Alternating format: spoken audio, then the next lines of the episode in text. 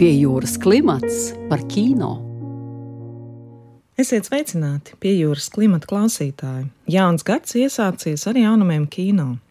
Jau pavisam drīz pirmizrādi svinēs Uģoltas filma Kas tu esi savaļā. Tā būs dokumentāla variācija par pagājušajā vasarā notikušo izstādi Savaļa. Filmas veidotājiem esot blakus un esot klāt mākslas darbiem, pastaigām, performancēm un skaņu ainavām. Uģis Olta ir veidojis gan televīzijas dokumentālās filmas, gan raidījumus, mūzikas video un drīzumā svinēs savas debijas filmas spēlfilmas Upurga Latvijas pirmizrādi. Pārnesot uz ekrāna klātbūtnes pulsāciju, režisors ir devies dziļāk savvaļā nekā bezskaislīgs chronists. Izstādes mājaslapā lasāms savaļa ir procesuāls notikums, izstāde mežonīgā teritorijā starp dūķiem un jaundrustiem, bez darba laika un pieskatītājiem. Tā ir izveidota kā pieredze, kurā var iegremdēties gan 15 minūtēs, gan uzkavēties nedēļas garumā. Piejūras klimatā šodien dzirdēsim gan filmas režisoru Uģi Olti, gan to daļu izstādes un filmas ideju ieskicēs viens no savvaļas komandas, filmas producents, internetu žurnāla Satori LV galvenais redaktors un dzēnieks Henriks Elijas Zēgners. Henrik, tiem, kas e, nenokļuva, un varbūt arī tiem, kas nokļuva līdz šai izstādē, pastāst vairāk, kas ir savvaļa. Savvaļa ir eh, Andra Eglīša iniciēta brīvdabas izstāde, kas notiek vietā starp Raunu un eh, Jaunpiebalgu, netālu no drustiem, kas ir piedzīvojis tagad divas sezonas un gatavo trešo sezonu. Tas ir tāds process, kas laika gaitā ir audzis un attīstījies un mainījies. Tā viena no galvenajām izmaiņām ir tas, ka, ja sākotnēji bija doma vienkārši par konkrētu izstādi, tad tā ir izaugusi par tādu ļoti aktīvu notikumu un cilvēku satikšanās vietu, jo pateicoties gan geogrāfiskās vietas specifikai, gan tās iesaistītās cilvēku grupas darbībai, tas fokus ir mazliet pārvirzījies ne tikai uz mākslas darbiem, kas tiek vienkārši izstādīti kā instalācijas un objekti un gleznas, uz dažna dažādiem notikumiem un pasākumiem. Pamatā it kā varētu teikt, ka tos notikumus veido, teiksim, dzējas lasījumi, koncerti un performances, sarunas un diskusijas. Bet tas nolūks bija arī vienkārši dažādu disciplīnu cilvēkus savest kopā vienu vietu, it īpaši māksliniekiem veicināt šo savstarpējo satikšanos un ideju apmaiņu, dažādu žanru saplūšanu, kas man liekas savaļā patiešām ir notikusi. Bet vienlaikus tas moto ir eh, bijis tāds, ka tie mākslinieki un cilvēki, kas nokļūst savaļā, tiek aicināti rīkoties pilnīgi brīvi. Viņi tur patiešām ir savā vaļā atstāti. Un um, Andrim Eglītim ļoti patīk izmantot jēdzienu sociālā skulptūra, ko viņš arī teorētiski pamato. Un tad patiešām dažādos pasākumos, kas savaļā ir notikuši, tur ir tāds mīkslis, eh, kas no vienas puses ir pastaiga brīnišķīgi skaistā dabā, no otras puses mākslas pieredzes gūšana, un no trešās puses tas viss kopumā veido tādu kā vienu lielu kultūras mākslas darbu. Ideja par filmas veidošanu nāca no sajūtas, ka ir nepieciešams iemūžināt tos notikumus. Un ir tāds fenomens, ka par spīti tam, ka tie ir vizuāli mākslas darbi, kā, kas veido to pamatu ļoti skaistā vietā, ka, teiksim, fotografijās viņus ir ļoti grūti kaut kā dokumentēt un piefiksēt atbilstoši tai sajūtai, kas tur valda. Un tad šķita, ka video un kino varētu būt tas mēdījis, kurā mēģināt to izdarīt. Bet uh, arī šeit mēs pieturējāmies pie tā principa, ka Uģim Oltem devām tātad dotos lielumus. Lūk, ir eh, vieta, lūk, ir notikumi un cilvēki. Attiecīgi izdarīja ar to visu kaut ko, kas tev pašam šķiet interesants. Manuprāt, tas ir arī patiešām tā noticis, ka Uģa filma ir tieši viņa personiska interpretācija par dokumentāciju un par notikušo. Gribējās Uģim dot pilnu brīvību un vaļu rīkoties, kā viņam gribās. Un šķiet, ka tas ir arī izdevies. Vismaz šķiet, ka Uģis eh, pats ir priecīgs. Patiešām guvis to iespēju darboties brīvi, kas mums savvaļas kontekstā ir ļoti svarīgs princips. Radījuma turpinājumā saruna ar kas tu esi savvaļā režisoru Uģi Olti. Sveiks, Uģi! Sveika! Drīzumā pie skatītājiem nonāks dokumentālā īsfilma kas tu esi savvaļā. Tādēļ lūkšu tevi pastāstīt plašāk, kas ir savvaļa, un līdzīgi kā filmā uzdošu jautājumu, kas tu biji savvaļā. Nu, savvaļa ir diezgan liela teritorija Ziemeļaustrumu vidzemē, kura, manuprāt, ir tāda ļoti precīza Latvijas identitāte. Tā ir um, teritorija, kurā lielo pārsvaru ņem daba, bet tur bišķiņ piedalās ar savām darbībām arī cilvēki. Nu, līdzīgi kā visā Latvijā. Un tie cilvēki, kas tur tajā dabā darbojās, ir Andra Eglīša un viņa dombiedru aicināti mākslinieki, kuri, nu, būtībā iet mežā, kaut ko sajūt, un tad uztais kādu darbu, kuram ir ļauts tajā dabā turpināt atrasties un ļaut dabai to pārveidot pēc saviem ieskatiem. Nu, lūk, un eh, šī sava brīvdabas izstāde notiek jau otro gadu. Pirmajā gadā es biju kā apmeklētājs tur divas reizes, un otrajā gadā mani uzaicināja ik pa laikam tur atgriezties ar kameru, bez jebkādiem nolūkiem un bez jebkādiem priekšrakstiem, vienkārši piedzīvot kaut ko, kaut kādus notikumus, kaut ko nofilmēt, un no tā gada beigās, tad, kad daba miega ciet, uztaisīt eh, īsfilmu. Tad pie šīs domas eh, nofiksēt savvaļu kino nonāca nevis tu, bet uh, savvaļas veidotāji. Savvaļas veidotāji, bet nu, tajā brīdī, kad es teicu, jā, es arī pats kļūstu par savvaļas veidotāju, jo tāda ir tās vietas būtība, ka viņai nav viens autors, tas ir uh, cilvēku grupas veikums. Un tajā brīdī, kad es ieslēdzu pirmo reizi to sarkano pogu, tajā brīdī es esmu jau līdzautors. Un mans nolūks bija zinot to, ka tā ir diezgan populāra vieta, un uz viņu dodas diezgan daudz cilvēku, kuri ar savām acīm un savu pieredzi to vietu piedzīvo es apzināti izlēmu, ka tas būs stāsts, vizuāls stāsts, kurā mēs savu vaļu eh, mēģinām parādīt tā, kā iespējams smadzenes formē atmiņas. Nu, ir kaut kādi notikumi, viņi ir bijuši lineāri, sākums, beigas, bet tad eh, pēc tam viņi varbūt iespējams samaisās. Varbūt viena notikuma skaņa samaisās ar cita notikuma bildi, un eh, pie tāda nodoma jau ir iespējams kinematogrāfiski ņemties un rotaļāties.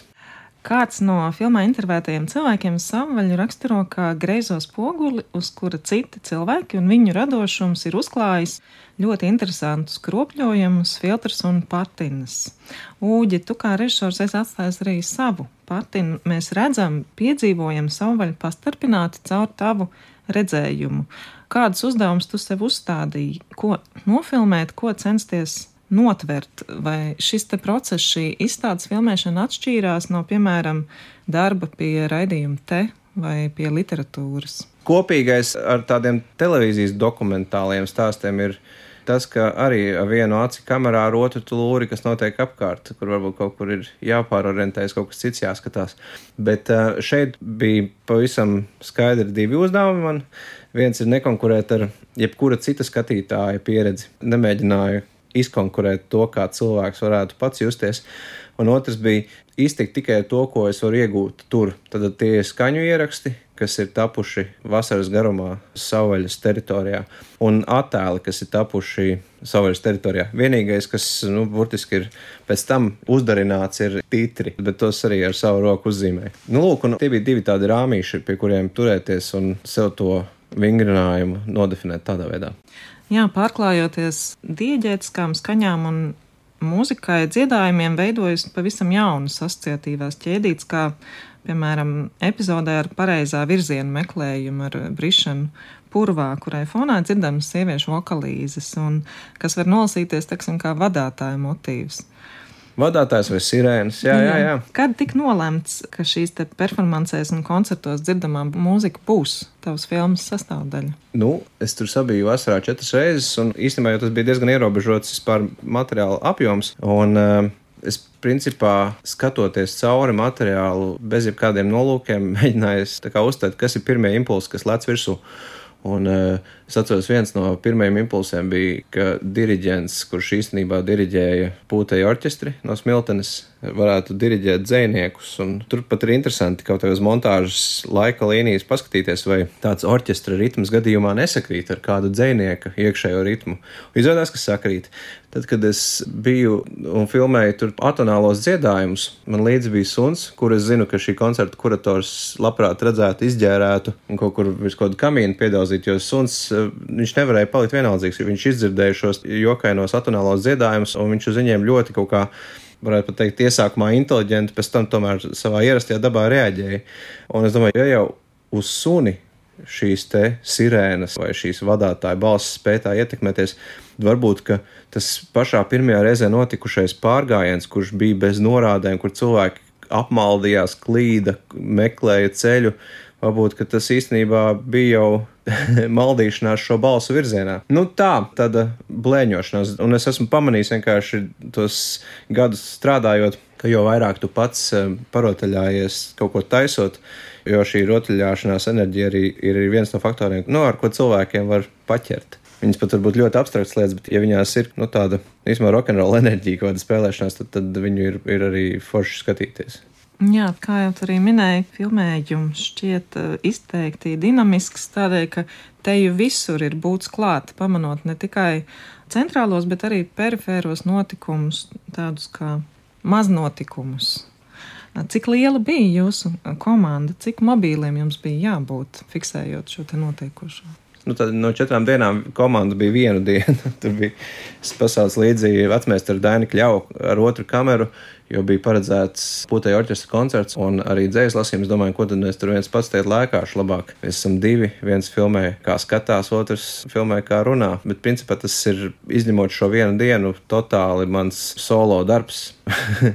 un pat arī solo tajā izpratnē, ka pasūtītājs, eh, Henriks Elijas Zegnes, kurš ir producents, viņš teica, vajag uztaisīt filmu, bet uh, tas arī bija vienīgais priekšraksts, ka viss pārējais, ko es daru un kā es daru, bija 100% brīvība, kas ir izcilākie apstākļi, kādos var nonākt.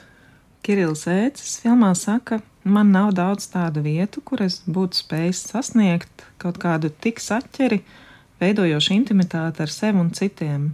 Un tā, tas es esmu savvaļā. Un arī filma eh, rada līdzīgas izjūtas. Mēs, skatītāji, piekļūstam neparastu tuvu. It kā esam vieni no, daļa no notiekošā veidojot, kas tu esi savvaļā, tu arī kaut kā apzināti formēji to izjūtu kopumu, kādu filmu varētu raisīt skatītājiem, jeb tomēr vairāk fiksēji, vairāk dokumentēji. Tā ir spontāna reakcija uz to. Es arī īstenībā brīnos, tie jaunieši, kurus es tur filmēju, kuri izteica savas domas par to, kā viņi tur jutās. Viņi minēja vārdus tuvība ar dabu un intimitāte un drošība, un kas man tiešām pārsteidz, jo manā sajūtās šī drustu apkārtnes nepieradinātā daba ir viena no baisākajām Latvijas dabām, kādas es esmu sajūtis. Tur tiešām man ir sajūta, ka pārnakšņot dažas naktis vienatnē varētu būt diezgan tumšs pasākums. Es nezinu, iespējams, dēļ tā, ka tur ir tālu jābrauc, tuvojoties galamērķim, paliek arvien mazāk māju. Tie ceļi ir tādi, kur starp tām abām risēm ir tāda jau, jau normāla zāle aug. un, un tādā vietā nonākot, ir skaidrs, ka tu vairs neesi nekāds eh, dabas kronis, ka tagad tu klusiņām kā pelīte vienkārši ieslīdi un, un centies tikt arī pēc tam ārā. Un es to filmu arī taisīju tādā vismaz pēc savas sajūtas, nu, labi, rotaļā, bet diezgan tumšā rotaļā. Un pēc tam, kad šie cilvēki, kas savukārt tur arī bija to visu pasākumu piedzīvojuši, ko viņi redzēja filmu, viņi saka, Interesanti, ka mums viņš liekas krietni e, gaišāks notikums bijis. Es saku, nu, bet labi, tas ir tavs lasījums, manējais ir tomēr tumsa. Bet varbūt ka, ka tā ir mana predestinācija attiecībā pret Latvijas dabu. Es viņu sajūtu kā draudīgu un tumšu, un nemaz tik mierīgu un nemaz tik rāmu. Un to pašu tēmu arī risina savā topošajā spēļu filmā Upurga. Tur arī Latvijas daba nav nekāda klusā, auklējošā, intīmā vieta. Jā, man šķiet, mums trūkst tādas tumšās mitoloģijas Latvijas kino. Viņi, paldies Dievam, viņi netrūkst dabā, bet kino viņi pilnīgi noteikti trūkst. Filma rada procesuālu iespaidu visiem filmas varoņiem, it kā atrodoties, piedaloties kā vienā lielā happeningā. Un arī izstādes mājaslapā es lasīju, savvaļ ir procesuāls notikums. Cik liels izaicinājums režisoram ir šāda procesuālitātes atveidošana, principā metaprocesualitātes radīšanu filmā? Varbūt tie ir tādi plāna punkti, tu katru reizi atgriezies un centies varbūt detektēt, kas ir noticis, kādas izmaiņas. Kā tagad izskatās tas koks, kurā iekārts šūpoles, vai lapas turās, vai viņas birst, vai joprojām ir drausmīga svelme, vai tomēr jau ir sācies tāds miglas laiks. Bet tas, kas man bija interesantākais, bija redzēt izmaiņas sejās tiem cilvēkiem, kas savaļā uzkavējās visvairāk.